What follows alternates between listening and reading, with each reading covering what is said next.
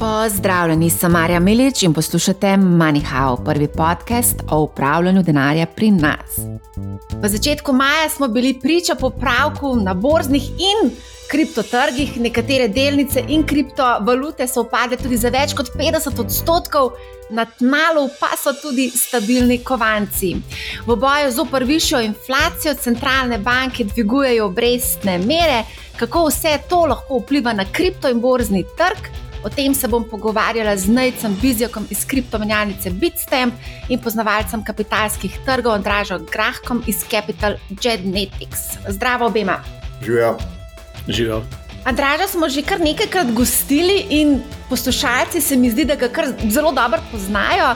Eh, zlasti po razlagah najbolj zapletenih izrazov, situacij, razmer, karkoli. Andraš je ta prava oseba, ki zna to zelo poenostavljeno eh, pojasniti. Naj s tebe gostimo zdaj prvič na Manihau.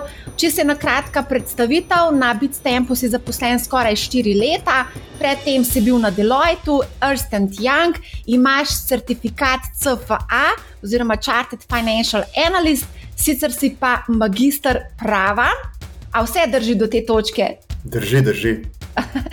Na Bitstampu si pa Chief of Staff. To je zdaj uh, nova pozicija, mislim, da si eno leto na tej poziciji. Ali lahko poveš, kaj konkretno to pomeni?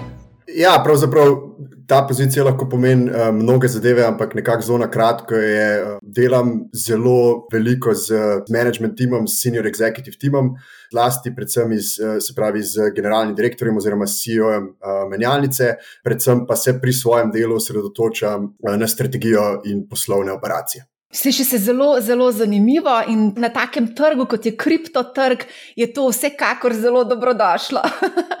Strategije. Um, a gremo kar na aktualno temo. In sicer bomo najprej se dotaknili borznega trga, ameriški indeks Nasdaq, v katerem so vključene pač tehnološke delnice, je letos upadel za skoraj četrtino.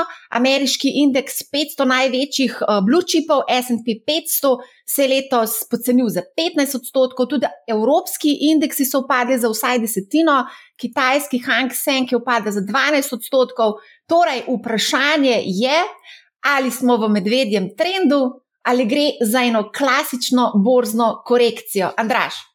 Aha, ok, čakaj. Prej smo se pogovarjali, da imamo pod mizo kristalno kuglo, pa ne vem, če sem jo dosti dobro spoliral, nekam meglen je tale pogled, tako da nisem čist prepričan.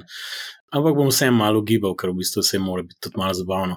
Jaz mislim, da tehnološke delnice, če bi gledal samo določene segmente, so definitivno nečem, če jim lahko rekel že zametki bear marketa. Če bi pa neke splošne indekse gledal, kot so recimo SP, bi pa težko tukaj jasno odgovoril na to vprašanje. Tako da mislim, da smo na taki prelomnici, ki malo gledamo čez en prepad, pa se mečkam zivamo in je zelo krhak položaj na finančnih trgih. In uh, če se nadržu, nadaljuje nekakšna ta politika, pa še malo zategne, ne, to je malo odvisno zdaj od Feda, kako delač bojo pelali to zgodbo proti inflaciji. Jaz ne bi izključil, da se je lahko to. V tako epizodo še malo podaljša, ne, tako da bomo mogoče na koncu gledali za nazaj, bomo mogoče v enem takem bear marketu, ki je v preteklosti lahko trajal, kaj se vem, tam dve leti ali pa nekaj v tem smislu, da se je stvar stabilizirala in počasi obrnila. Tako da mislim, da smo zdaj res tam tam. Če bi pa določene tehnološke delnice uh, rekel, bi pa mogoče nekateri rekli, da nismo že na dnu, ker so res bili brutalni upadi. Tako da trg ni še te širine, čist, da bi se ta kr krvavitev razširila na celoten trg, se mi zdi.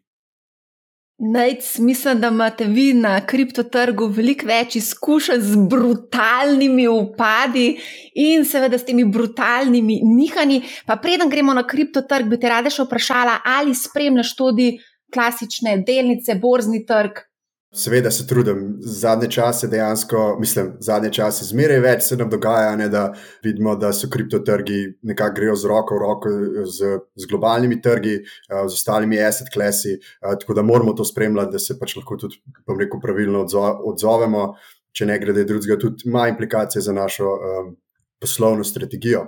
Zdaj pa, če nekako pokomentiram tale bear market na kriptotrgih. Če lahko mogoče na delniškem trgu še nekako rečemo, da se pravi, da bi rekel market wide, še nismo v, v, v, v bear marketu, s čemer bi se strinjal, mogoče na kriptu nekako bi to že lahko smatrali za medvedji trg, ne se pravi, smo nekako dosegli 60 odstotkov. Uh, popravka od samega vrha, ki je bil novembra 2021, uh, za, pravi, za glavna uh, aseta, to sta Bitcoin in uh, Ethereum, medtem ko so se ostali kovanci uh, popravili tudi za 80 odstotkov, nekje in to velja tudi za, tudi za blue chipe. Tako da tudi z vidika teorije ciklov, uh, ne, zdaj smo že nekako stopili, smo že tako daljni od zadnjega halveninga. Eh, da bi lahko govorili, da se, da se ta trg začenja. Tudi sama tehnična struktura trga je bila nekje dva, tri mesece nazaj, bom rekel, polomljena do te mere, da, eh, da lahko govorimo o, o nekem medvedjem trgu. So pa seveda ti cikli eh, pri nas mečkim krajši oziroma mečkim bolj intenzivni krajši in intenzivni. Omenil si, da, sta, da je v bistvu uh, kriptotrg vse bolj koleriran, oziroma je koreliran z, recimo, z Nasdaqom. Um, konc koncev je pa tudi Bitcoin nastal leta 2009, ko je bil v bistvu Nasdaq praktično potlačen. Ne? Ja, res je. Um, dejansko, trenutno, kako lahko to pogledamo, ne, korelacija med Bitcoinom in, in, in Nasdaqom in tudi z SP-jem je trenutno, mislim, da okrog nič cela osem, spravi historično na, na najvišjih ravneh. Um, seveda je zdaj značilno za vse trge velja, da um, ta korelacija bo zrastla v nekako v, v padajočem trendu. Se pravi, takrat so vsi eseti nekako bolj, bolj med seboj korelirani. Um, seveda to nekako pod vprašaj postavlja celo, um, celo zadevo okrog ne Bitcoin, Digital Gold in, in ta teza. Um, ampak jaz še zmeraj gledam na cel kripto. Kot res nek, res early stage, nek asset class v izjemno zgodni fazi. To pomeni, da investitorji uh, ne vedo točno, kako se bo ta cela zadeva odpletla. Ne? In to, to je neka usporednica, ki jo lahko potegnemo tudi z nekimi growth stocks, ki v bistvu, ki se stavljajo na zdaka. To pravzaprav pomeni, ne, da ko vstopimo v nek environment, ko se zaostrujejo um, obrestne mere, um, se, se, se začne kripto zaradi same te inherentne nesigurnosti obnašati zelo podobno kot, kot delnice. Jaz pa še zmeraj verjamem, da z leti, ne, treba imeti relativno dolg um, horizont, se pravi, relativno dolgo dobo investicije, se bo zgodil decoupling in bomo šli nekako bolj po poti, da bo kripto neko svojo smer ubral. To bomo še videli, kar nekaj dogaja na kriptotrgu. Um, mogoče bi tukaj samo še eno zadevo rada izpostavila. Uh, omenil si, da kriptotrg je že v bear marketu, medtem ko Andraš pravi, da delniški trgi počasi mogoče vstopajo v ta bear market, oziroma da mogoče še nismo tam. Ne? Ampak dejstvo pa je, da sam kriptotrg še ni doživel, ali pa Bitcoin, bom rekel, ni doživel pravega medvedjega delniškega trga, takega kot smo imeli recimo leta 2008, takrat so tečaji dobesedno upadli za 60 odstotkov. Kaj se lahko zgodi recimo v tem scenariju, da res pride do bear marketa na delniških trgih, kje bo potem kripto? To je dobro vprašanje in, in tudi zelo kompleksno vprašanje, ker, ker pravzaprav jaz nekako gledam, ne, da prvo vprašanje tukaj, ki ga je treba vredno odgovoriti, je, kaj se je spremenilo med letom 2008 in, in in danes. Kaj se dogaja z globalnimi trgi, kakšen, kakšen recovery lahko tudi iz tega trga nekako pričakujemo. Uh, ker če smo včasih gledali nek L-shaped recovery ali pa J-shaped recovery, ne, se pravi počasen recovery, je, je v bistvu ta ekspanzija monetarne politike v zadnjih letih povzročila. Se pravi, vsak popravek na delniških trgih je bil pravzaprav sprejet iz neko dodatno monetarno ekspanzijo. In jaz mislim, da smo še zmeri, kljub temu, da centralne banke pravijo, da je monetary tightening, oziroma sprav zmanjšali bomo maso denarja v toku. Še zmeri smo v območju, kjer je masa denarja v toku ogromna. Ne. Hkrati pa smo tudi v območju, kjer je dolg. Eh, držav, ne, spravi, uh, ameriški dolg je 130 odstotkov, 130 odstotkov njihovega bruto domačega proizvoda. Ne. Spravi, če bomo šli po poti tega, da delniški trgi tudi vstopajo v neko recesijo, neko podaljšanje zaostrovanja, eh, se pravi zaostrovanja oziroma višanje obrestnih mer, je to kar črn scenarij. To črn scenarij tako za delnice, kot tudi za kripto. Lahko se zgodi, da, te, da dejansko pač dosežemo pravi, polno korelacijo in se obnaša kot nek Nasdaq stok, uh, pravzaprav kripto dolg, dolg časa. Je pa to neko širše makro vprašanje za mene. Andraš, je to res širša makro vprašanje, pa moram se še to povedati, vedno znova, ko rečemo, da so tokrat drugačne razmere, se spomnim na Egora za krajška in njegov, njegov stavek: This time is different. Andraš, a je res this time is different? Ja, zdaj tole gibanje zgleda, da ni different, ne? da je v bistvu um, neke teze, ki smo jih gradili, da so vrednotenja ranljiva da so tudi neke pričakovanja, kar se tiče rasti dobičkov na delnice, mogoče ranljiva ali pa ne v tem okolju, se je dejansko izkazalo, da je zdaj pritisk na obeh nekako vzvodih vrednotenja delnice. Ne. To pomeni, s kakšnim recimo večkratnikom zdaj nekako pomnožimo dobiček, če poenostavim, kaj se dogaja z dobičkom v prihodnosti. Zdaj ta inflacija je povzročila tudi nekako prelivanje preferenc kapitala, v katerem sektorju želijo biti. Zato, ker je dejansko ustvarila tako imenovane windfall profite v nekih bazičnih sektorjih, ki jim nobenemu niso bili prav preveč všeč zadnjih nekaj let, ker je pač denar se zlival v tehnološki sektor. Tako da zdaj imamo več procesov, ki se dogaja. Eno je rotacija, ker se ljudje bolj ukvarjajo tudi s tem, da v bistvu grejo z tehnoloških delnic v vem, energijo, materijale, bazične surovine in to vrstne stvari. In to malo zamegluje, kje smo na na, na širokem indeksu, ker je tako, kot rekel, največji velik kapital, ki nekako podpira ta trg tveganih naložb. Ne. Drug proces je pa neke vrste, moramo reči, oduzemanje plina, ne, da se tako izrazim, na tej avtocesti, ki se pa ne dotika samo tveganih naložb, ampak generalno redefinira, kako se gleda kreditne strategije, um, rekel, neke naložbe s fiksnim donosom in to vrstne stvari. In se mi zdi, da klezej FED dejansko vzpostavlja neko vrsto dominanco nad asset marketi za to svojo pozicijo, kar v bistvu totalno diktira tempo. Ne vem, ECB je neki latentna, totalno zakrivuljo, drugi nekako gledajo, Kitajci so v enem svojem filmu, a nekaj se ukvarjajo ne vem, s prihodnimi strukturami svojega trga in v bistvu dolar se je v tem okolju vzpostavil kot popolnoma dominantna, temu se reče hard currency, ne, njegova vrednost se krepi po obrestne mere se dvigujejo, mislim, sploh nihče ne upa staviti proti dolarju. In to je dejansko neko okolje, ki dejansko rine dol tvegane naložbe, kot kar koli. In američani imajo ta izraz, da chickens are coming home to roost. Ne? To pomeni, da uh, piščančki prihajajo nazaj, kot koši, ki izvirajo denarja. Ne? In vseh teh tveganih naložb se zelo malo gremo nazaj, ne? ker smo jih dobili po prstih, ker smo bili preveč, uh, ko reko, optimistični. Tako da. Vprašanje je, kako daleč bo ta proces šel, In zdaj ta finomehanika, ne? zdaj FED se ne obremenjuje z polno zaposlenostjo, ne obremenjuje se zaenkrat z gospodarsko rastjo, obremenjuje se s tem, da je očitno edini, ki lahko voditi, kaj na Ivana Orleanska ta boj proti inflaciji, ker vsi drugi bolj so at the sidelines in gledajo. To je moj oseben občutek, no? čistko. Čeprav neke centralne banke dvigujejo, ampak niso materialne v smislu, ne, da imajo impact na globalen trg. Ne? Tako da to samo po sebi lahko povzroči, da gremo zdaj v neko okolje, kjer se bo ta veliki bikovski trend, delniški, ki se je po finančni krizi vzpostavil, zaključil neko, jaz temu rečem, konsolidacijo, ampak to konsolidacijo lahko dojamemo kot tudi kot dvo-trileten proces, ki lahko privede v nekaj, kar bi večina ljudi rekla medvedji trg, ker se je pač vrednotenja znižala in bo, in bo malo bolj volatilno obdobje. Ne. Take stvari smo videli vem, od 2000 do 2003, pa pa od 2000, rečemo 7, 8, 9, kaj je bilo. In uh, bolje je za me vprašanje, ali se to sprevrže v malo bolj dolgoročnejši proces. Ne vem, to je pa primer. Tudi če gledamo od 2000 do 2008, je skozi v bistvu trg drsil navzdol, ne glede na to, da smo imeli ostre popravke na vzgor. To je mogoče malo, kaj bo v prihodnji dekadi zgodba. Zdaj pa po mojem dva scenarija. Ohladimo to inflacijo in je zdaj nek popravek, ki grejo lahko še uh, tvegane naložbe v overreaction, grejo lahko še nekako dol, to uporinili in tehnološke in kripto dol, ampak ni tako dolgotrajno, ampak je še zmeraj neke bolečine. Ampak tako, čez deset let nikogar na to zanimali in bojo neke priložnosti. Ne? Bolj problem bi bil, če bi bilo to nek konstantno okolje, bolj počasnejše rasti, pa bila ta inflacija bolj stiki, bomo imeli pa bolj volatilnost v bistvu in na koncu, ko boš pogledal nazaj, mogoče ne bo tako super donos. In zdaj nekateri strategi, pustimo, da kako se to zadane ali ne, ne v naslednjih letih nekim tveganim naložbam napovedujejo bistveno podpovprečne donose. Zdaj, to je zdaj.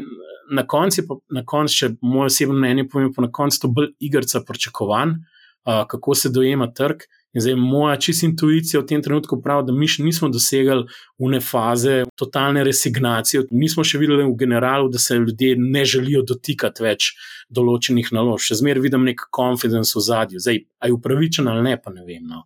Tako da uh, je mal downside riskano. Ali lahko samo še malo ostavimo pri centralnih bankah?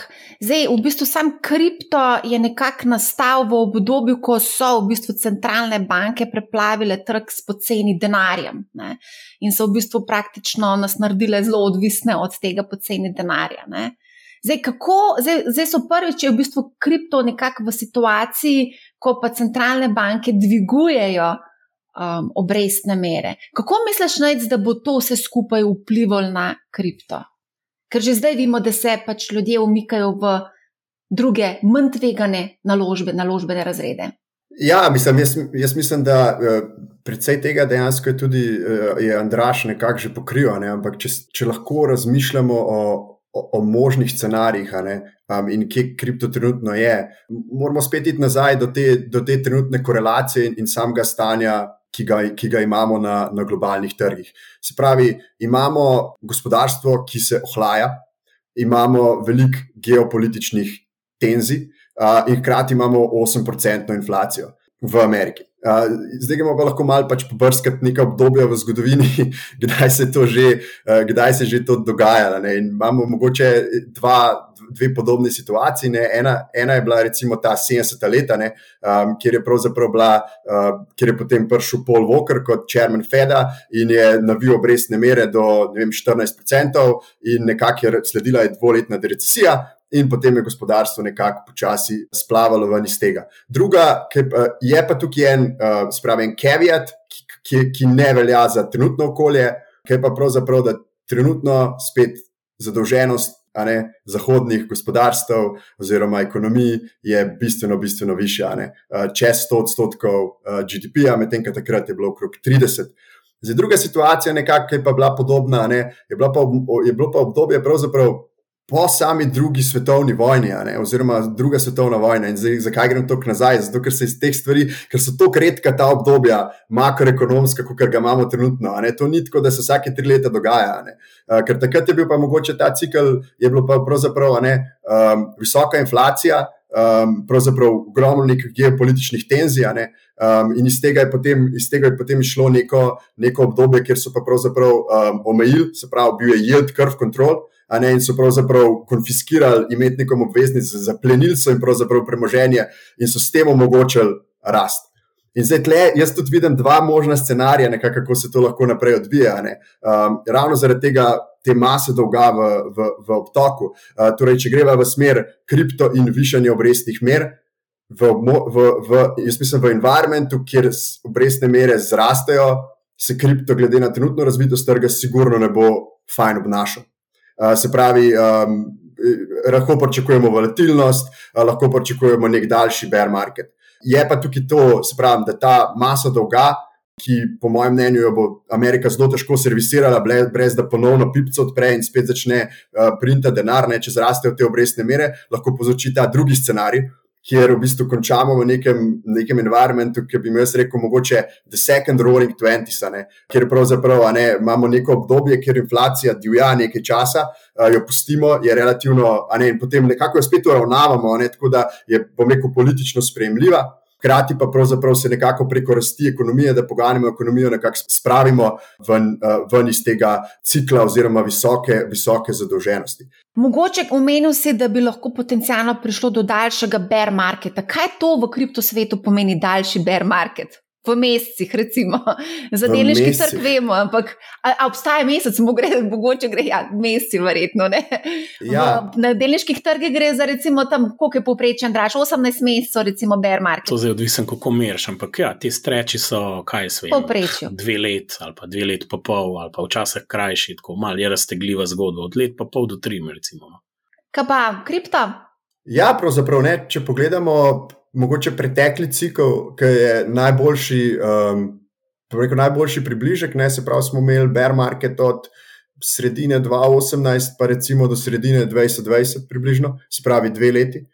Uh mhm. -huh. In takrat, kako je to izgledalo, se pravi, Bitcoin pade nekje 80-90% od vrha samega cikla, volumni usahnejo na marketu, je pa to hkrati tudi obdobje, ne, v katerem se gradi na kriptotrgu. Se pravi, to je takrat, ko ne, zdaj že ne vem, na Twitterju nekako kroži dolg čas, ne, da trenutno zdaj prihaja ta čas, ne, when builders build, ne, da se lahko dejansko sfokusiramo na to, da se gradi neka uh, dolgotrajna vrednost. Sigurno pa to za vlagatelje ni posebej prijazno obdobje, to je nek sideways chop oziroma pač neko, neko tako relativno nezanimivo um, okolje.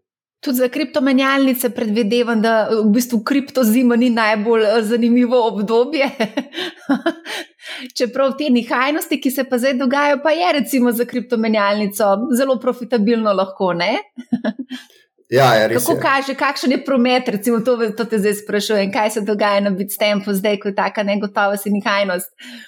Ja, mislim, mi imamo radi negotovost in nihajnost, ne, kar je malo paradoksalno, mogoče v življenju na to tako ne paše. Ne. Ampak uh, uh, imaš prav, ne, se pravi, ko kripto pada ali raste, uh, se pravi, da so te intenzivni paci, mi delamo super, se pravi, to se je tudi zgodilo zdaj, recimo, ko je bil ta drop od pravi, 40 tisoč do 30 tisoč dolarjev, oziroma celo 25 tisoč, ne je bil uh, ni high dol. Uh, je bilo spet po dolgem, dolgem času, da je, je spet volumen zrastel na neke nivoje, ki smo jih recimo videli lani maja. Medtem, pa pravzaprav, ko smo imeli nekak ta. Um, Reč, recimo, nekako med novembrom in zdaj, ki smo imeli tak, tak downward, sideways, chop, spet so bili pa volumni precej nizki. Um, in to so tiste kakšne obdobja, kjer, kjer je pravzaprav bilo malo negotovosti, a se je pretekli ciklus že končal, ali da bomo dobili ponoven zagon. Ampak pravzaprav, kar se je nekako zgodilo, da so zraste geopolitične nekakšne tenzije, FED je začel groziti, iz, um, se pravi, no, groziti z dvigom obrestnih mer, smo šli počasi, počasi navzdol. In to je neko, nek, bom rekel, nek, neko tržno okolje, ki nam ne ustreza. Zdaj, če pogledamo indeks strahu in pohlepa, ki se izračunava tako za delniške trge, kot tudi, seveda, za Bitcoin, vidimo, da smo v območju izrazitega strahu, tako na delniškem trgu, kot za Bitcoin. Isti cagar, isto je pokazal, izraziti strah. Torej, strah je tisti, ki zdaj trenutno prevladuje na trgu. Kako, kako vi gledate, vidva gledate na to? Andraš, mogoče da povej tvoje mnenje za trenutno, kakšna je situacija, kako mali vlagatelji. Jaz sem opazila, recimo, konkretno pri nas, na včasih sem dobila po 10, 15, 20 vprašanj na dan, kam ne zdaj denar investiram, recimo zdaj teh vprašanj nekoliko manj. Mislim. Mene strah, če so všeč, ne? če sem malo pohecan zaradi tega, ker večja volatilnost tudi neko risk premijo vključuje v tečaje in zdaj, če ti si v nekem zdravem naložbenem razredu, pa si to relativno v redu razpršil, po moje, v bistvu je to ok, sej to je namen, ne? skozi čas, skozi vrčevanje, skozi nek daljši horizont je ravno to zgodbo, da nekako greš skozi čas in se različna obdobja izmenjujejo in ravno če pauziraš na teh okoljih, boš pač dosegel mogoče sploh povprečnega donosa ne boš dosegel, ker boš skozi takrat investiral, ko bo vse lepo, pa v nek momentum in pač boš takrat nižjo premijo za tveganje zaklenil nad svojimi nakupi. Tako da za tiste, ki mogoče imajo dolgoročnejši horizont, pa nekako akumulirajo, so bolj na nekih vrčevalnih zgodbah. Ne? Jaz mislim, da je to ravno okolje, v katerem moraš nadaljevati, ker pretekla finančna kriza je pokazala, da je bil tukaj v bistvu izločanje investitorjev, ker so kle nehali ali pa so prodali delnice in se pol niso vračali še pet let nazaj. Ne? In to je bila ena večjih napak, če je kakršna koli lekcija za nazaj, to, da ne smeš spustiti recesije, ne smeš pa delati neumnosti v tem smislu, da svoje premoženje celotno, ki ga imaš, izpostaviš ne mudoma na eni točki, ker tem tudi tukaj pa zelo točkovno izpostavljen enemu nakupu. Ne? Tako da jaz mislim, da za vse tiste, ki imajo long term neke cilje, v bistvu morajo tukaj nadaljevati, prilagoditi te naložbeno strategijo njihovemu razpoložljivemu dohodku in enostavno se vprašati, ali je nek miks, česar počnem, ima nek smisel. Ne? Mogoče kle vsem za tiste, ki začenjajo jaz sem ukvarjal vse, jaz bi se vse držal malo bolj kvalitete, zdaj ne glede na to, ste vi to na kriptotrgu ali pa na delniškem trgu, ne to tveganje, seveda zdaj vprašanje, ampak ne bi šel v neke eksotične stvari, pa bi v tem okolju blazno pameten, ker je zelo težko razumeti, kaj se v zadju dogaja, pa kje so pozicije. Zato, ker um, bom sam dal primer. To, kar se je zdaj dogajalo, mogoče tudi uh, znotraj kriptoekosistema, pa mogoče tehnoloških delnic, ki so bolj zazrte v prihodnost, se je tudi izkazalo, da že rahu dvig pa sprememba monetarne politike lahko izjemno veliko bolečine povzroči določenim rekel, konceptom, ki se probajo izvajati, ki segajo v prihodnost. In kle, če se zelo izpostavite na ene zgodbe, boste, mislim, demotivirani, boste, ker boste izgubili to kološka, da boste kar nehali. Tako da jaz bi rekel, da nek kor portfelj je skozi treba imeti, zato ker nikoli nismo tako pametni, da bomo zadeli. Ne? Tako da um, ne govorim zdaj kle o uh mhm. -huh. traderjih, tisti bi mogli sami vedeti, delajo, ampak pač govorim nek, nek poprečnega državljana, ki nekako želi nek donos ustvariti v prihodnosti, klep se pa jaz vsem v koru, vsem držal bolj kvalitetnih stvari, ki so bolj likvidne, zelo v tem okolju, ker preveč, preveč je krhko in se lahko čisto lepo nadaljuje in se sam nalaga gor na neke ali blue chipe ali na neke kor valute, tudi če že to kripto, ki imajo v osnovi neko težo, no, uh, kar se tega tiče. Mm -hmm. Tako da to se. Mislim, da se je to tudi dosta v kriptotu pokazalo, no, da je to vse nek test uh, za marsikaj. No. Ja. Mislim, da zelo lepo namiguješ na tero, tako da gremo kar na, na tero, kaj se je zgodilo s stablecoinom, ki je vezan v bistvu na ameriški dolar in je v bistvu v, praktično v prvem tednu maja je dobesedno strmoglavo na, kako naj temu rečem, nič vrednost. Mogoče naj, a lahko pojasniš, kaj se je zgodilo s tero in kaj se dogaja s tem luna ekosistemom. Pravzaprav. Uh da to lahko razložimo, je treba razumeti, kako, kako je ta zadeva mečkam delovala. Um, in, in tle smo imeli v bistvu dva, da imamo reči, partnerska kovanca, kateri eden je bil uh, UST, kar si lahko predstavljamo kot en ameriški dolar. Uh, se pravi, tako imenovani stablecoin, stabilni kovanc, in drugi je bil v bistvu uh, je bil pa Luna. In to je ta, in to je ta cela zgodba. Ne? In povezava med Luno in Tero je bila nekako pardon, med Luno in UST, je bila, da je pravzaprav se, se pravi, da je Terra, da je UST lahko zadrževal svojo vrednost, se je v bistvu um, količina Lune v obtoku uravnavala. Se pravi, kadar se je povišalo povpraševanje po tem stabilnem kovancu, se je znižala količina. Lune v obtoku, in s tem je Luna zrasla v vrednosti, in je, več, je bila vrednost samega kolaterala, ki je podpiral stabilni kovanec, uh, višja in seveda obratno. Mnogi so na socialnih omrežjih opozarjali, ko je se ta, se pravi, Terra in Luna, uh, se pravi, Terra in cel ekosistem je bil ogromno v medijih v zadnjih mesecih. Uh, se pravi, ta ustanovitelj je bil na Twitterju zelo, bom rekel, glasen. Uh, je, je se pravi, rekel, da je to. Um, Najboljša rešitev, da je to prihodnost. Medtem ko je bilo precej ljudi, ki so nekako dvomili v, v sam ta sistem, in so tudi izpostavljali, da je možen koordiniran napad na, na, se pravi, na ta peg, ki se ga lahko izvede nekako z eno milijardo ameriških dolarjev. In to se je potem dejansko maja tudi zgodilo, um, se pravi, en teden nazaj. Kar se je pravzaprav tam, tam zgodilo, je bilo, da je v nekem okolju zmanjšane likvidnosti kovanca, stabilnega, se pravi, ta UST, je nekdo začel to agresivno prodajati. In je padla vrednost tega UST kovanca. In potem, kar se je pa zgodilo, je bila splošna panika. In UST kovanec in, in Luna kovanec sta bila ena za ena zamenljiva. Se pravi, en UST kovanec si lahko zamenjal za en dolar Lune. In potem, ko se je enkrat začela ta arbitraža med seboj vrteti, pravzaprav se je povzročila ta negativna spirala, ko se je vse skupaj dipegalo in je zgrmela vrednost obeh esetov, in kar naenkrat je bila vrednost kolaterala manjša od vrednosti tega stabilnega, stabilnega aseta.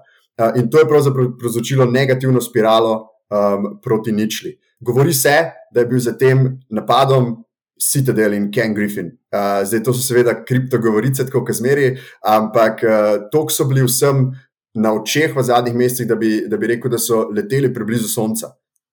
Tako da, mhm. to je nekako. Ja. Tako da to je neka taka, uh, bi rekel, skoraj skor da ne redna kriptodrama, s tem, da ta je bila še mečkam bolj ekstremna, ker je izbrisala 40 milijard eh, vrednosti, uh, uh, pravzaprav bom rekel, takole v, v roku nekih treh dni. Zanimivo je, kako se uporablja redna kriptodrama, se pravi, redno na sporedu. Ja, nikoli nam ni dolg čas. Uh, to je sigurno. Eh, ker recimo pol čez en teden je pa sledil še nekako um, ta panika, je povzročila, da je nekdo želel uh, napasti še drug stabilen kovanc in to je bil pa ta USDT oziroma Tether, ki je pa največji na trgu. Seveda tukaj jim ni uspelo, ker zadeve delujejo popolnoma, popolnoma drugače, ampak se začasno ta kovanec ni bil vreden en dolar. ampak je bil vreden nekje 90 centov, kar pa so seveda z veseljem izkoristili spet, um, bom rekel, uh, veliki plejeri na trgu, tipa uh, ne, Citadel, ki so lepo z arbitražo spravili nazaj na PEG in izkoristili to panično prodajo, uh, mogoče retail ali kogarkoli že. Kaj pa to nasplošno pomeni za stablecoine? Zdaj se je tukaj pokazala v bistvu šibkost stablecoinov. Ja, uh, sigurno ni dobro, ne? ker ameriški regulator je že začel ne, um, nekako ponovno, pravzaprav je že nakazal, da bo pospešil regulativo na področju stablecoinov um, in to se bo verjetno tudi zgodilo. Ampak jaz tega ne vidim kot nek, um, uh, nek, neko težavo. Zaradi tega, ker um, vsi, bom rekel, neki resni plejeri na trgu pozivajo k regulaciji. Oni pozdravljajo regulacijo, zato ker v bistvu tukaj gre za gradnjo nekih odprtih sistemov, infrastrukturo trga, nekako za prihodnost, in to ne gre brez, brez regulative. In vsi te, recimo, USDC, Circle, USDT, pozdravljajo nekako um, zvečano, zvečano regulacijo in, in, in ta prihaja. Hkrati je pa tudi treba vedeti, no, da Luna vseeno je bil algoritmičen stablecoin kjer smo zdaj, bom rekel, verjetno za nekaj časa dokazali, da ta koncept nekako ne deluje, medtem ko ti največji playeri, uh, ki so um, na trgu, pa nekako so vse fully backed, oziroma imajo v ozadju uh, asete in tudi transparentnost teh rezerv, to se da preverjati, to je nekako revidirano. Ne. Pri Tetru je tudi revidirano in bilo dokazano, da ima v ozadju asete. Ja, in tudi Tetr to, tetr to razkriva s tem, da je sigurno cela zgodba, kako so oni to odpeljali, um, ne vzbuja zaupanja. Ne, se pravi, te trenutno, če greste pogledat na spletno stran, če gremo pogledat na spletno stran, bomo tam videli, kakšna je struktura rezerv. Um, struktura rezerv je mogoče taka, ki um, bi rekel, da mogoče ne vzbuja popolnega zaupanja. Uh, se pravi, tam so tudi nekatere bolj tvegane naložbe, uh, se pravi, se obnaša kot nek sklad, tvega, mislim, kot nek hedge fund dejansko. Ampak razkrivajo svoje rezerve in te rezerve so, um, so revidirane. So se pa temu oni dolgo časa upirali. In to sigurno še zmeri rezultira v tem, da obstaja relativno nezaupanje v to, uh, v to kaj, uh, kaj oni počnejo. Andraš, kaj pa tvoje, kakšno je tvoje mnenje vsem skupaj o tej situaciji? Ja, jaz mislim, da naj super razložil, v bistvu, kako je delovala ta rekel, kombinacija algoritma in, kako bi temu rekel, Ink in Yanga, na nek način stablecoina in pa na drugi strani samega ekosistemskega kovanca, ne, to pomeni uh, Lune, ne, v tem konkretnem primeru. Jaz mislim tudi, da je ta, mislim, taka zasnova, ki je bila, se je izkazala, da je pač. Se je šlo predelačno, uh, kar se tiče njega koncepta, kako naj bi stablecoin deloval. Um, v bistvu se je kle kreiral dobesedno nek value, ki se je na trgu pripoznaval in je bil preveč, po mojem občutku, da to je zdaj simpel je biti zdaj generalne, ampak izkazalo se je, da pride v kontrasmer, da v bistvu vrednost tega kolaterala lahko na tak način zaniha, da v bistvu lahko povzroči praktično, če lahko temu rekel, coin run, se je kledo besedno zgodil, ker tudi z vsemi obrambami niso uspeli več tega zadržati, kaj je enkrat šlo, ne? tudi z unim ekstra nekim skladom rezervnim ali kaj, kar so ga imeli, kar sem mal študiral. Tako da v bistvu jaz mislim, da je cel koncept teh stablecoinov mi mal tako ne vem, pač razumem njihov utility in zakaj se uporablja. Ogromno nekih vestanih interestov in nekih produktov se je okrog teh stablecoinov začelo razvijati v smislu nekega ustvarjanja drugačnega tipa donosa, no? ki, je vezan ali na stablecoin ali neki kolateral, ki ga daš nekamu eno, bom tako rekel, mašinco, se bom kratko izrazil, ne, ki ti prinaša neke donose. V koncu, v koncu mogoče ta izraz stable ni, ni najbolj posrečen, iskreno povedano, ne? ker mogoče bilo bolj, da rečeš, to je kolateral, tam je nek premija, diskont, lahko okrog katerega se pač stvar giblje. Ta peg na en dolar za stablecoin se mi zdi, da je tako pač mal preveč nerealističen, ker je točno tako, kot je rekel, ne se, če niha 10 plus 10 minus so what, ne bilo bož, da je bolj transparentno, pa da saj vemo, kakšen je kolateral, da tam en trdi, da bo vsako sekundo v milisekundi za en dolar dobo, mislim, ker edini način je, da imaš buffer na over kolateral, recimo, ne, kar je pa pa spet vprašanje, če lahko od tega na dolgi rok nekako upravljalec funkcionira v redu. Tako da jaz bi rekel, ne bo to transparenten, je pač nek kovanski manj nihajen, lahko je prime collateral, vsi vemo, da je za varnost neka cena in so what zdaj, ne vem, kaj se ga gremo s tem stablecoini, da mora biti vse ena, ena na dolar, pa sam probleme delamo, ker pa lahko pride do tega, da lažeš en drugmu, kaj v resnici je tam, ali tam za en Ken Griffin to zvoha, ali pa en drug ne, in začne napadati to ranljivost. In se mi zdi, da pač uh, bi bilo bolj škle, honesty is the best policy, naj razkrijo, kaj imajo. Uh, so pa lahko te kolateral zgodbe malo ranljive, glede na to, kje je kreditne izpostavljenosti. Imáš v kolateral not, ker če se zvišuje obrestne mere, če si mal daljšo, uh, ko reko trajnostjo, to duration ali pa ročnost izpostavljen, ta kolateral na trgu je lahko A ali vreden manj, ker ga trg diskontira z višjo obrestno mero, da ne pridemo do kreditnega rizika, ker zdaj nismo praga bolečine mi dosegali neke kreditne krize, ki bi povečano število stečajev se začel dogajati z dajateljem ali pa česa taga. Zdaj, če bi FED, FED zategnil to pipco, jaz mislim, da se hitreje lahko defaulti začnejo dogajati, kot so se v preteklosti. Mhm. Menim pa tudi to, kar je mogoče najci izpostavil, kam večkrat blok sam kle uh, dopolnil.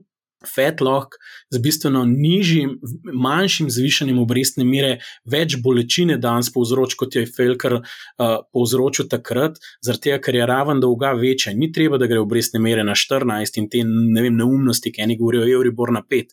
Preden bomo mi prišli na 2-3, bo že bolečine toliko, da mm -hmm. bo v bistvu ta demand stopil nazaj in bo nek, neka regulacija inflacije se na ta način zgodila, da se je ustavilo gospodarstvo. Ne? Tako da ta, to se hitreje šlo lahko zgodi, in zdaj mečkam testirajo v bistvu to fino mehaniko s temi postopnimi dvigi in se igrajo s krivuljo, se mi zdi, mm. In po mojem zelo kreditno kvaliteto spremljajo. Tako da tukaj, tukaj je mogoče nek moto, ne se preveč nastavljati Fedu, dokler to počne, in uh, lahko da so kjer ranljivosti še v sistemu. Uh, definitivno pa to lep izgovor za pospešeno regulacijo mm. vseh uh, pač ponudnikov, ki ponujajo stablecoine, kar je pa tudi prav na končni fazi, ker če se misliš, da za res, da stakes are higher, vlagati je treba več in pač uh, večji trg, širši trg za kripto, več regulacije in večji budžeti, sej kaj pa če bi drugega. No? Bi pa imela še eno vprašanje, mogoče to se mi tudi zdi zanimivo, ker centralne banke so se dejansko odzvale s pospešenim načinom oziroma z razmišljanjem o tem, da bi upeljale svoje digitalne valute ravno zaradi stablecoinov oziroma stabilnih kovancev. Kako recimo kriptosvet gleda digita digitalne valute centralnih bank? Kako gleda kriptosvet na to? Mi nekako to gledamo na nek uh, uh, nov segment trga, uh, ki pa bi rekel, da za nas ni posebej relevanten. Um, jaz bi rekel, da, da to je sicer ne, veliko, se, veliko temu slišimo, ampak če razmislimo, na katerem delu trga mi operiramo, kaj pa v bistvu s tem, s tem CBDC-jem uh, želi, se želi doseči, je to nekako drugače. Ne? Mi v bistvu delamo na, z nekimi public per, permissionless blockchaini, se pravi javna infrastruktura, javni blockchaini, medtem ko. Um, V primeru, ehm, se pravi, eh, digitalnih valut, centralnih bank je govora o, o tem, da se pravzaprav Fiat prestavi na neko, neko tehnološko platformo, ki je sama po sebi bolj učinkovita. Um, in s, te, s, te, s tem se pravzaprav nekako omogoči, jaz mislim, izjemno zanimive, um, bom rekel, mehanizme uh, usmerjanja uh, monetarne politike, uh, pa tudi splošno politike. Če sam razmislimo, ne največji. Nekako bom rekel, uh, očitki digita, digi, uh, digitalnim valutam centralnih bank, uh, so pravzaprav ta vprašanja okrog uh, zaščite podatkov in, in vzdrževanja neke, uh, neke, neke sfere, privatne sfere posameznika. Ne?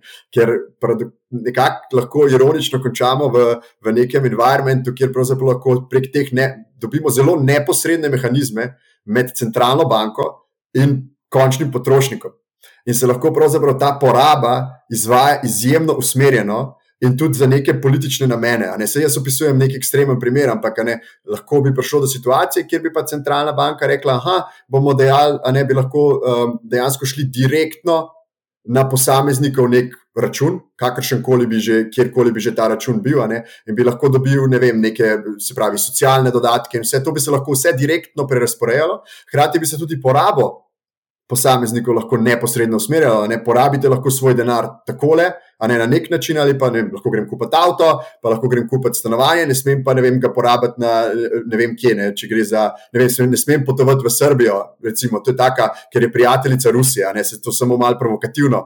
Ne, ampak pridemo lahko do nekih takih zelo, zelo.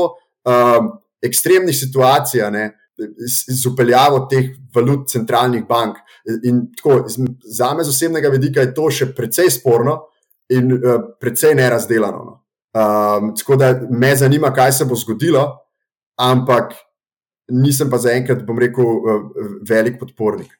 Ja, zdaj, ko omenjaš vojno in pa to situacijo, ki se je zgodila v Rusiji, je pa vseeno potrebno povedati, da takrat, ko se je vse to dogajalo, je pa bilo v bistvu tudi dogajanje kar precej pestro na kriptotrgu.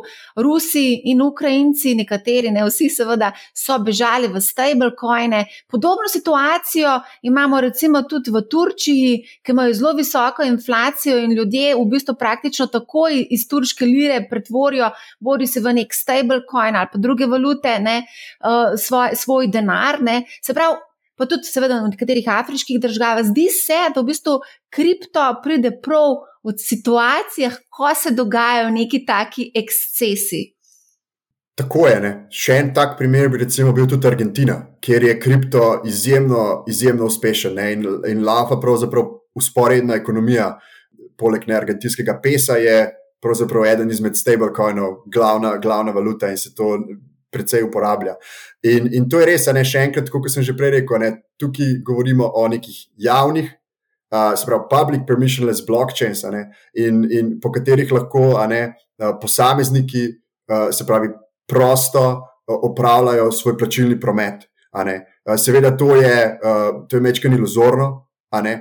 Se, se pravi, še zmeraj so te vzhodne in izhodne točke uh, um, se pravi, v in izven kripta, so regulirane. Torej, ni tako zelo enostavno spraviti samega denarja, ne, oziroma vaših sredstev izven neke države ali pa v neko državo, ampak še zmeraj je to lažje. Kot pa preko samega bančnega sistema, ne, ker se enkrat, ko se enkrat sepa neha, ali pa ko se, ko se, ne, ko se uh, ruske banke ali katere koli banke izključijo iz tega, in ko država začne do, do neke ogromne mere nadzorovati kripto, uh, ponudi alternativo. Se pa zdaj vse premika v smer, da, da bodo tudi to prednost nekako uh, nam oduzeli počasi. Umenil si seveda, da si želite vsi regulacije, torej kaj pa bo prinesla regulacija kriptotrgu, če ne drug tega, kar pač si omenil zdaj ne. Pravzaprav, pravzaprav ravno to. In to je, to je za, za mene osebno in verjetno tudi za mnoge druge, je nerazumna regulativa kriptotrga ena izmed, eh, bi rekel, največjih groženj, verjetno, eh, verjetno sami inovaciji. In tukaj imamo par, par zanimivih ne, predlogov, eh, kako bi, kako bi se kripto lahko reguliral. Ne. In ta zadnji, predvsem. Če mogoče ste slišali za Anga, se pravi ta, v katerem Evropska unija pravzaprav hoče regulirati oziroma nadzorovati vse transakcije, uh, ki prihajajo iz tako imenovanih non-custodial walletov, se pravi uh, denarnic, ki niso na centraliziranih uh, borzah, in bo treba vedeti, pravzaprav v, za vsako transakcijo, vse podatke. In to je nekako tako, kot recimo, če bi šel danes položiti tisoč evrov uh, na, na banko, keša, uh, pa bi v bistvu mogel celo vrsto podatkov izpoven do temu izvoru premoženja. Ne? To je nekako, jaz tako nekako kot nek ekvivalent gledam. To bo predvsem imel velik vpliv na samo to, um, bi rekel, remittance in payments funkcijo um, kriptovalut. Zaradi tega, ker bo precej zamejil to, ne, um, to neko uh, zmožnost plačevanja s kriptovalutami. Um, sprav, tukaj, recimo, v tem predlogu je obstajala nekoč neka omejitev, da bi vse transakcije po 1000 evrov bile iz tega vzete pa so potem nekako to tudi odstranili. In, in ne, razumna regulativa bi bila verjetno to mogoče določiti. Podobno kot se določa za recimo te regulative pranja denarja, ker imaš tudi te thresholde, ki jih banke upoštevajo, ne, ne pa kar pravzaprav vsaka minimalna transakcija, ker na ta način se ubije sama inovacija. Um, in um, ja, um, jaz se tega res bojim. No, in tukaj ne, se, se industrija bori proti temu, ampak zaenkrat sama po sebi še ni dovolj močna. Uh mhm. -huh. Andraš, kaj pa, kakšno je tvoje mnenje? Zdaj tudi veliko pač investicijskih skladov vstopa v te kriptoprojekte, ti sam spremljaš vse te zgodbe, kako zdaj vse skupaj to zgleda, kje so zdaj visi, v katere projekte investirajo, jih je mogoče volatilnost prestrašila. Pritisnili so na pauzo na daljnico, pa šli malo na zrak, se mi zdi, da malo razmislijo, kaj zdaj z njihovimi holdingi. Je pa res tako, ne, da ogromnih je veliko zaslužil, pa realizirali hude dobičke v zadnjih obdobjih, tako da klej je nekaj smutnika, ki se lahko reinvestira. Um, je pa res, da so vse normalno. Če imaš tako okolje, pa se cene znižujejo, boš to pač probal izkoristiti. To je njihov job. Ne? Probal se boš pogajati, vprašal se boš, kje bojo stvari čez x let. Ne? Tako da ne, da se je to ustavilo, pa tega ni, ampak pač klej že v startu je večja previdnost nastaja. Ne? Kar se tiče regulacije, tako jaz hudih upov na EU, pa ECB tukaj ali pa kogarkoli, ki je vpleten, res ne bi dejal iz enega enostavnega razloga, ker EU se še nikoli ni izkazala na kapitalskih trgih, da bi bila neka vodilna država. Um, tako da klej bo treba pač gledati, kam grejo američani, ker ostari bojo zelo, zelo sledili temu. Um, tako da to je, to, to je tukaj pomemben, kaj bo zdaj odziv na, na, vem, na stablecoine, mogoče tudi namen tega zategovanja, da se hkrati tudi gleda robustnost tega sistema in je, rekel, tudi mogoče ta proces neki, kjer bo selekcija se naredila med različnimi ponudniki. Je pa res, da so vlaganje zmeraj večja in večja. Recimo, vem, če si vzamete čas, pa recimo pogledate rezultate od Coinbase, ki je pač listed company in se lahko različne stvari, res so bila tam vidna visoka vlaganja, stroškovna baza narašča narašča, pa pa v bistvu malo prihodki za njih in je visoko profitabilno podjetje, kar naenkrat v rdečih številkah. Tako da te američani bi rekli, da stakes are getting higher, po mojem mnenju, kar se tiče tega, sploh če želiš zaditi inovacije. Tako da je zanimivo videti, kdo je poganjal. Zdi se mi pa, da jaz kriptota ne gledam enako kot delniški trg, čeprav je ogromno nekih kovancev ali pa kako koli temu rečemo na koncu. Um, zato, ker se mi zdi, da je vsem bolj kreativna destrukcija na delu in se mi zdi, da število projektov, ki bo na koncu preživel tež časa, ne, ne vidim tako, da bo kar nekih kot SP 500, 500 projektov in jo vsi živeli in bo to neka kriptolandija ali nekaj v tem smislu, ampak se mi zdi, da bojo tisti vodilni igralci pač mogli znotraj nekega ekosistema delovati. In tukaj se bomo mogli stvari razvijati naprej. Tako da bolj mogoče vidim, da se v trg po številu zmanjševal, pa bo kvaliteta tega naraščala. To bi bil za me bolj logičen proces, ne? ker bo nek tržni delež na nekem tako imenovanem obtainable marketu za kripto, pač se bo povečeval skozi čas. Tako da tukaj eh, bolj nišne stvari vidim, ki bojo visi noter vlagali, ki bojo pa neki konkretni use case znotraj, mogoče upajmo bolj upeljane infrastrukture skozi čas uh, se postavljala. Ne? Tako da mm, je pa kar. Ko bi rekel, eh, pot je lahko tudi polna luken, ki ni cesta asfaltirana. Ej, drugače pa tako, ne, um, vsakič znova, ko imam neko predavanje, grem pogledat na CoinMarketCap um, število menjalnic, kriptovalut in to raste vsakič znova. Sem presenečen, wow, spet smo dobili ne vem koliko novih menjalnic in ne vem koliko kriptovalut. Skratka, ta hip, no mogoče je zdaj že mal več kot je, uh, danes zjutraj sem odčitala 562 menjalnic in skoraj 20 tisoč kriptovalut. In zdaj seveda ob tem dogajanju okrog tere se marsikdo sprašuje, kaj, kdo bo preživel in kdo ne bo preživel. Ne?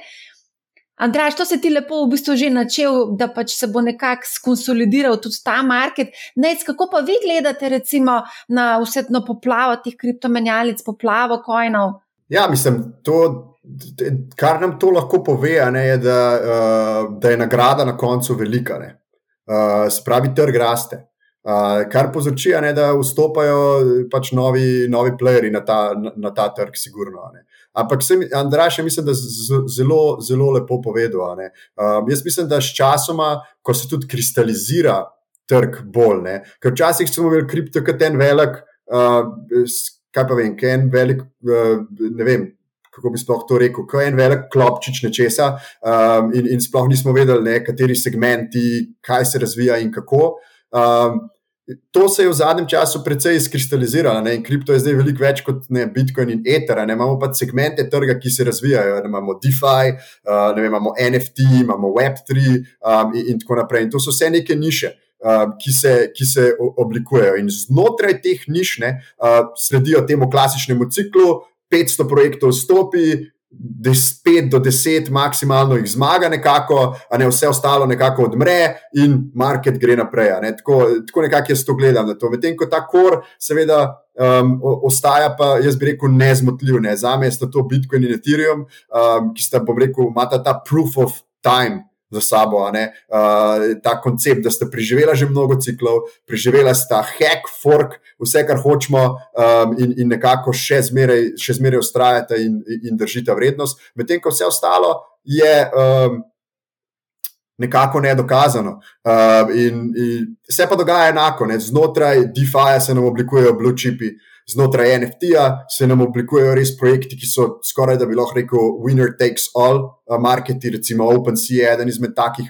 In zno, zno, Web3 je pa pravzaprav neka taka široka kategorija, ki bi jo pravzaprav čisto težko um, nekako določil, kaj in kako.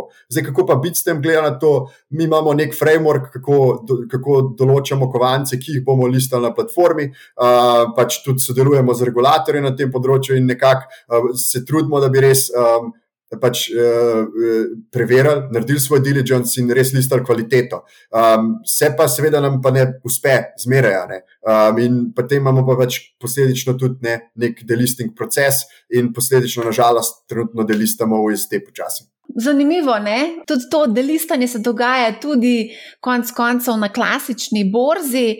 Mogoče tukaj še eno vprašanje, ki smo ga zadnji teden precej pogosto prejeli tudi na našem Discordu. A kaj se zdaj splača? Recimo, veliko krat so se spraševali naši poslušalci, ali se zdaj splača tero kupiti. Na to je bilo, ne vem, še en teden nazaj, ko sem gledala, ko so bili res ti dramatični padci. Verjetno se danes nihče to ne sprašuje. Ampak vseeno ne. Mar se kdo se zdaj vpraša na tej točki, po teh pocenitvah, kaj ne zdaj kupam, ali se zdaj splača iti, ali ne še malo počakamo. Kaj, kaj recimo je tisti na svet? Mislim, jaz mislim, da se je treba vrniti vrn nekako osnovama. Ne? Uh, na svet je, ne vstopajte na trg, če je vaš investment horizon eno leto. Ne, ne tega delate. Ne. Uh, upoštevajte, uh, upoštevajte principe razpršenosti portfelja in ko vstopate recimo v kriptotrg, vstopajte z zavedanjem nekako, da je možno uh, zgubiti tudi 80% uh, vašega premoženja na kratki rok. Kljub temu pa, kar bi, kar bi jaz rekel, ne, ko začenjate ali pa če vstopate, do your own research, oziroma preštudirati Mečken, pa se potem osredotočiti. Jaz bi rekel, začne se z Bitcoinom in Ethereumom, spet iz tega razloga, proof of time in imate res jasen, bom rekel, nek, uh, neko smer. In, in neko jasno vizijo, kaj želite biti in kaj lahko postanete. Sve je to negotovo, ampak um, uh, pač imate pa neke, nek velik potencial. Zdaj pa, če govorimo o samih nivojih, kjer se pravzaprav cena nahaja, ne, samo da vzamem kristalno kroglo. Uh, uh, ampak pravzaprav um, mislim, da se nahajamo. Uh, Počasi že vstopamo, zdaj po mojem mnenju, v nek environment, kjer je kripto postaja dobra nakupna priložnost. Ne? Spet ob upoštevanju vseh principov, ki sem jih prej našteval. Po vseh, če pogledamo on-chain metrike, če pogledamo tehnične indikatorje, um, in tudi teorijo ciklov, uh, se približujemo tem obdobjem, kjer, kjer je kripto zanimiva nakupna priložnost. Ampak mislim osebno, da še nismo popolnoma tam. Kar pa zdaj je treba upoštevati, ne, kakšna je strategija in risk profil posameznika. Ne. Če imate nek dollar cost averaging, lahko začnete to, um, to, um, to izvajati. Če ste bolj buy and hold investor za čez deset let, lahko počasi začnete razmišljati nekako uh, o nakupu. Hkrati pa mislim, da je Andraž prej izpostavil, geopolitična nesigurnost, ne vemo, kako se bo Fed obrnil trenutno, se pravi, um, ali bo to um, se pravi, neko nadaljevanje neke ekspanzivne monetarne politike ali pa res neko zaostrovanje obrestnih mer. In mislim, da še nismo videli tistega trenutka, ki jaz rečem, ki nam res rata slabo. Ki vidimo, kako nam portfelj upade, to na kriptotrgih. Jaz mislim, da to nas, to nas nekako še čaka. Ah, misliš, da še ljudem ni postalo slabo?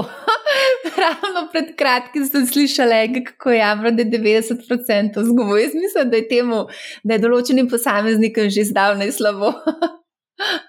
ja, uh, Arthur Hayes, uh, on je founder od, od, od, od BitMakes, ima en zelo dober blog, v katerem mal piše o svojih um, uh, gledanjih na finančne trge in on je v bistvu ta izraz uporabil. Da, Uh, pravzaprav res, da, da takrat se nekako, da on bo vedel ne, prek svojih izkušenj, in on je tudi nek hedge fund manager. In to so stari mački, ki res vejo, da takrat, ki je res ne, uh, ki rata res slabo. No. Andraž, ti... Mislim, da bi znal še biti malih hajnosti. No.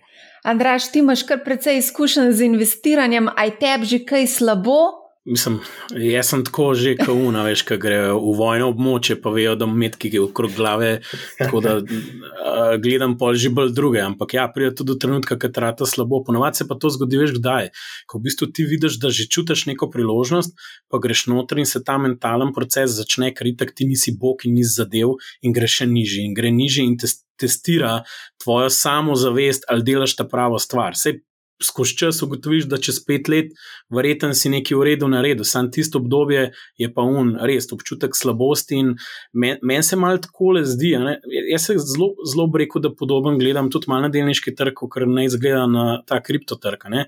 Ker neki segmenti so full dol, nekom kor baza pa še ni čisten, da bi rekel, mi, mi je slabo. Po drugi strani pa spremljam določene delnice in zanimiva stvar se mi je dogajala okrog Robin Hooda, kjer je dejansko ne, founder FTX šel in je kupil delež v Robin Hoodu. Ja. Se mi zdi, da se kle tudi malo pri teh ljudeh, ki so zraven dogaja neka mala arbitraža, da malo tudi na equity market gledajo, na neke esete na equity marketu, ki imajo nek potencial in izhajajo iz nekih svojih izhodišč. Zdaj, kaj je v zadju tega, ne vem, kako on točno razmišlja in kam želi pelati to prijateljstvo, da se tako izrazim, pa novo, novo ljubezen, pomladansko, ne, z Robin Hoodom. Ampak to so stvari, ki so šle čez cel hype, čez so zdaj res eh, šle konkretno dol. Eni se sprašujejo o njihovi prihodnosti in če bi bil tam delničar ti konkretno slabo, recimo. Ja. tako da tam je že un feeling, ki je un dread, ki gre lahko še niže in kaj se je zgodilo.